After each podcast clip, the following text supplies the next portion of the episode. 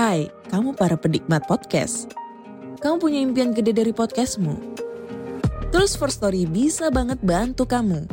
Mulai dari F-Link, Dynamic Audio Insertion, sampai statistik yang komprehensif. Semua ada di First Story. Gak ketinggalan kamu bisa monetisasi podcastmu lewat iklan dari First Story Ads yang bisa kasih kamu penghasilan dari setiap place podcastmu. Yuk gabung sekarang dengan klik di firststory.me. Sekali lagi, klik di firststory.me. Mari kita bawa mimpi podcastingmu menjadi kenyataan.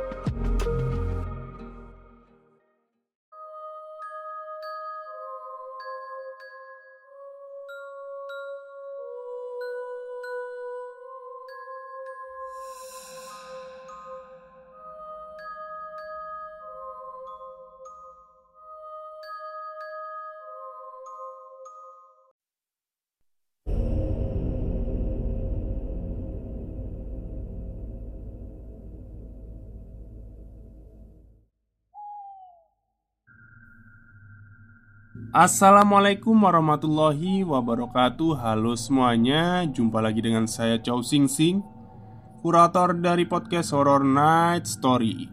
Halo apa kabar semuanya? Semoga kalian semua sehat-sehat ya.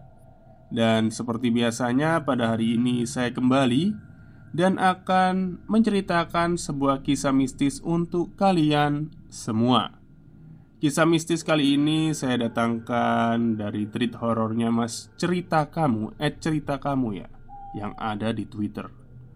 Oke daripada kita berlama-lama, mari kita simak ceritanya. Malam telah menyelimuti menteng atas. Hembusan angin yang dingin menusuk tulang. Merayap ke setiap celah gang yang sunyi Aku seorang pelajar SMP yang lelah setelah belajar Menginap di rumah Aldi sahabatku. Malam itu kami memilih untuk menikmati tengah-tengah kompleks sawah. Malam itu kami memilih untuk menikmati tontonan Smackdown. Kami bersorak dan tertawa di lantai satu rumah Aldi menyaksikan pertarungan pegulat yang kami sukai.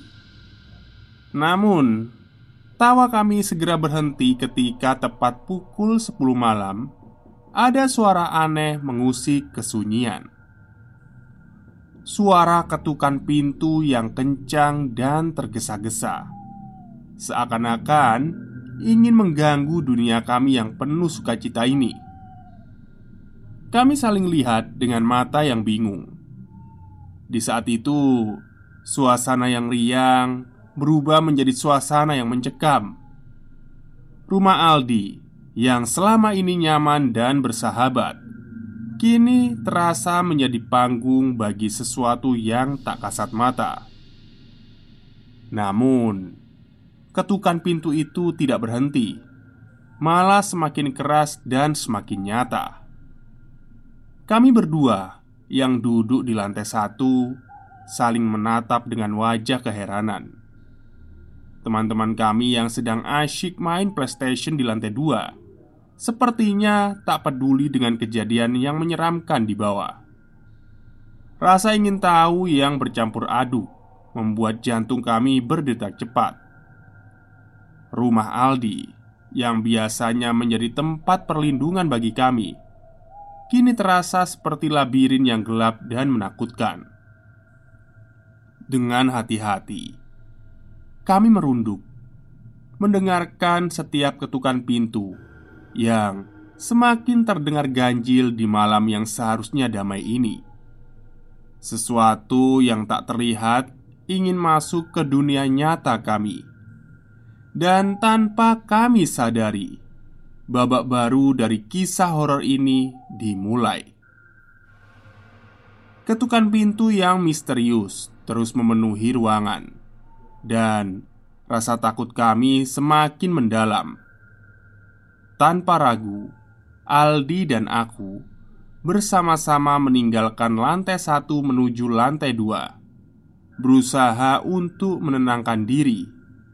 Aku berkata, Mungkin itu hanya bapakmu yang pulang, Al.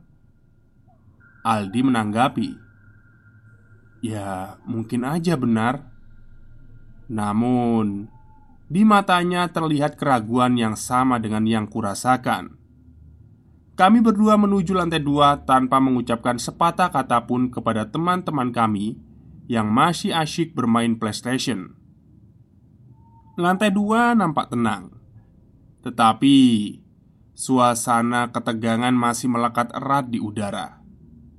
Kami bergegas melaporkan kejadian misterius itu kepada kakak Aldi dan teman-teman yang masih asyik bermain game.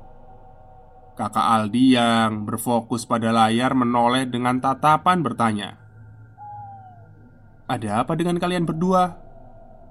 Tanyanya tanpa melepaskan pandangan dari layar televisi. Aku menjawab dengan suara sedikit gemetar. Ada suara ketukan pintu di lantai bawah, Kak. Tapi ketika kami buka, Gak ada siapa-siapa di sana. Mendengar penjelasan itu, kakak Aldi dan teman-teman kami menghentikan permainan mereka. Mereka saling bertatapan, mencoba mencerna informasi yang baru saja kami berikan. Kakak Aldi berkata, "Ah, kalian ini suka bercanda. Masa sih ada orang iseng di luar?" Aku menggelengkan kepala dengan tegas. "Bukan, Kak. Suaranya terdengar jelas dan kami benar-benar melihat pintu terketuk. Tapi ketika kami buka, gak ada seorang pun di sana." Raut wajah mereka berubah menjadi serius, menyadari bahwa ini bukanlah candaan. Dengan langkah hati-hati, kami turun berempat menuju lantai bawah, merasakan ketegangan yang semakin meningkat. Suara ketukan pintu masih terdengar ketika kami berdiri di depan pintu. Aldi dengan langkah percaya diri membuka gorden lebar-lebar untuk melihat siapa yang ada di depan. Namun, ketika gorden terbuka, hanya kegelapan malam yang menyambut kami. Tidak ada seorang pun di sana, tetapi pintu masih terketuk dengan keras. Tanpa ragu, kami berdua berlari kembali ke lantai dua, meninggalkan kebingungan di lantai bawah. Suara ketukan pintu yang misterius itu menjadi tanda pertama bahwa malam itu tidak akan berakhir begitu saja. Dengan nafas terengah-engah, kami berdua tiba di lantai dua menghadapi kakak Aldi serta teman-teman kami yang penasaran. Tanpa menunggu, Aldi dan aku menceritakan kembali kejadian di lantai bawah kepada mereka. Kakak Aldi yang awalnya skeptis kini melihat kami dengan serius. "Ini bukan candaan, kan?" tanya kakak Aldi mencoba memastikan kebenaran cerita kami. Aku menggelengkan kepala dengan tegas. "Ini serius, Kak. Kami benar-benar mendengar suara ketukan pintu itu. Tapi ketika kami buka, gak ada siapa-siapa di sana." Teman-teman kami saling pandang, mencermati reaksi satu sama lain. Suara ketukan pintu yang kini sudah tidak terdengar semakin meninggalkan aura keanehan di ruangan itu. Meskipun begitu, kami semua setuju untuk turun berempat dan memeriksa lantai bawah. Langkah kami pelan-pelan menuruni tangga, dan ketegangan kembali menyelimuti udara. Tapi ketika kami mencapai lantai bawah, suara ketukan pintu itu sudah tidak terdengar lagi. Aldi dan aku saling berpandangan mencoba mencari pemahaman atas kejadian misterius ini. Kakak Aldi mengangguk. "Ah, mungkin itu hanya suara aneh dari luar, angin atau apalah." Namun, ekspresi wajahnya menggambarkan ketidakyakinan yang sama dengan kami. Kami merambah ke beranda rumah untuk melihat apakah ada jejak keberadaan seseorang di halaman. tapi tanpa hasil. Halaman yang luas itu seakan-akan menjadi saksi bisu dari kejadian misterius malam itu. Kami kembali masuk ke rumah dan mencoba melanjutkan malam yang sempat terhenti. Namun, suasana di dalam rumah terasa semakin tegang. Ketidakpastian dan rasa ingin tahu merayapi pikiran kami. Suasana yang tadinya penuh keceriaan kini berubah menjadi ketidaknyamanan dan sulit dihilangkan. Malam itu, kami semua tidur dengan pikiran yang tidak tenang, menyimpan pertanyaan-pertanyaan tanpa jawaban, menanti apa yang mungkin terjadi selanjutnya. Pagi pun tiba, namun aura misterius dari malam sebelumnya masih terasa di udara kami berkumpul di ruang keluarga, mencoba melupakan kejadian yang mengganggu itu. Namun, wajah-wajah kami masih mencerminkan ketidakpastian. Kakak Aldi yang nampaknya mencoba meredakan ketegangan, menyuarakan pertanyaan yang menghantui pikiran kami semua. "Dia ke mana tadi malam?" Tanya kakak Aldi yang pandangan tajam ditujukan kepada Aldi dan aku. Aldi memicingkan mata. "Dia siapa?" "Ya, orang tua kita," sambung kakak Aldi dengan nada serius. "Kalian kan bilang tadi malam mungkin itu bapak, terus dia ke mana sekarang?" Kami berdua saling pandang, menyadari bahwa kami belum bertanya atau mencari tahu tentang orang tua Aldi yang seharusnya sudah ada di rumah. Tanpa berbicara, kami berempat segera menuju ke kamar orang tua Aldi untuk mengecek keberadaan mereka. Tapi ketika pintu kamar terbuka, tak seorang pun ada di dalamnya. Ranjang kosong, seakan-akan tidak ada tanda-tanda keberadaan orang tua mereka. Keheranan dan kecemasan mulai merajalela di wajah kami. Kakak Aldi berbicara dengan nada yang kian tegang. Ke mana mereka pergi? Kok gak ngasih tahu kita? Kami pun segera melakukan pencarian ke seluruh rumah Memeriksa setiap sudut dan celah Namun tidak ada tanda-tanda keberadaan orang tua Aldi Semua terasa hampa dan mencekam Saat kami kembali berkumpul di ruang keluarga Atmosfer ketegangan semakin memuncak tanpa sadar, pandangan kami tertuju pada pintu depan yang sempat diketuk semalam. Rasa cemas dan rasa takut kini berubah menjadi kekhawatiran yang lebih dalam karena kami menyadari bahwa mungkin suara ketukan pintu itu ada kaitannya dengan kepergian orang tua Aldi. Bab ini menjadi pangkal muda untuk merentangkan kejadian misterius ini ke dimensi yang lebih dalam dan menyajikan pertanyaan-pertanyaan yang belum terjawab. Membiarkan kegelapan meresap di dalam hati kami. Kami duduk di ruang keluarga dalam keheningan yang menekan, mencoba memahami kejadian-kejadian yang terjadi semalam.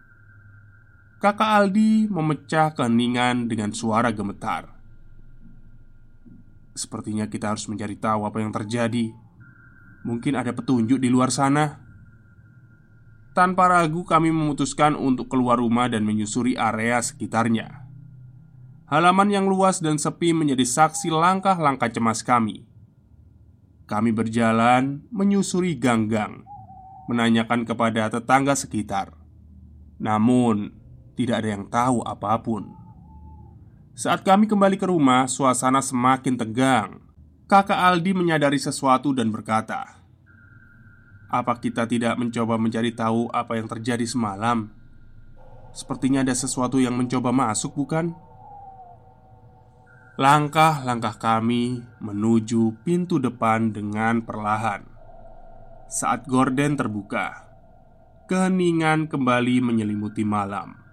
Namun, ketika pintu terbuka, kami dikejutkan oleh pemandangan yang mengejutkan. Sesosok bayangan hitam menghilang di kegelapan malam, meninggalkan kami dengan kebingungan.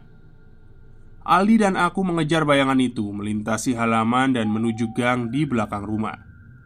Namun bayangan itu hilang begitu saja.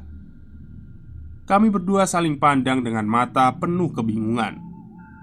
Suara langkah kaki terdengar di belakang kami, dan kami berbalik untuk melihat kakak Aldi dan teman-teman kami yang ikut mengejar. "Ke mana bayangan itu?" tanya teman Aldi dengan nafas yang tersengal. Kakak Aldi menatap kami dengan ekspresi serius. "Apa itu yang kalian lihat semalam? Apa mungkin ini ada keterkaitannya dengan kepergian orang tua kita. Kami berkumpul di tengah gang, merenung atas pertanyaan-pertanyaan yang belum terjawab ini. Suara ketukan pintu yang misterius, kepergian orang tua Aldi, dan bayangan hitam yang menghilang. Semuanya menjadi bagian dari teka-teki yang harus kami pecahkan. Langit malam menjadi semakin gelap, dan kegelapan itu mencerminkan kebingungan dan ketakutan yang melanda hati kami. Malam itu tidak ada jawaban, hanya meninggalkan kami dalam keadaan bimbang dan rasa takut yang semakin dalam. Oke, itulah cerita pendek dari berbagi cerita atau eh cerita kamu. Semoga kalian suka dengan ceritanya ya. Dan mohon maaf kalau uh, beberapa beberapa hari ini saya membawakan cerita pendek ya Karena memang ada banyak kerjaan yang belum saya selesaikan. Oke mungkin itu saja. Semoga kalian semua terhibur. Wassalamualaikum warahmatullahi wabarakatuh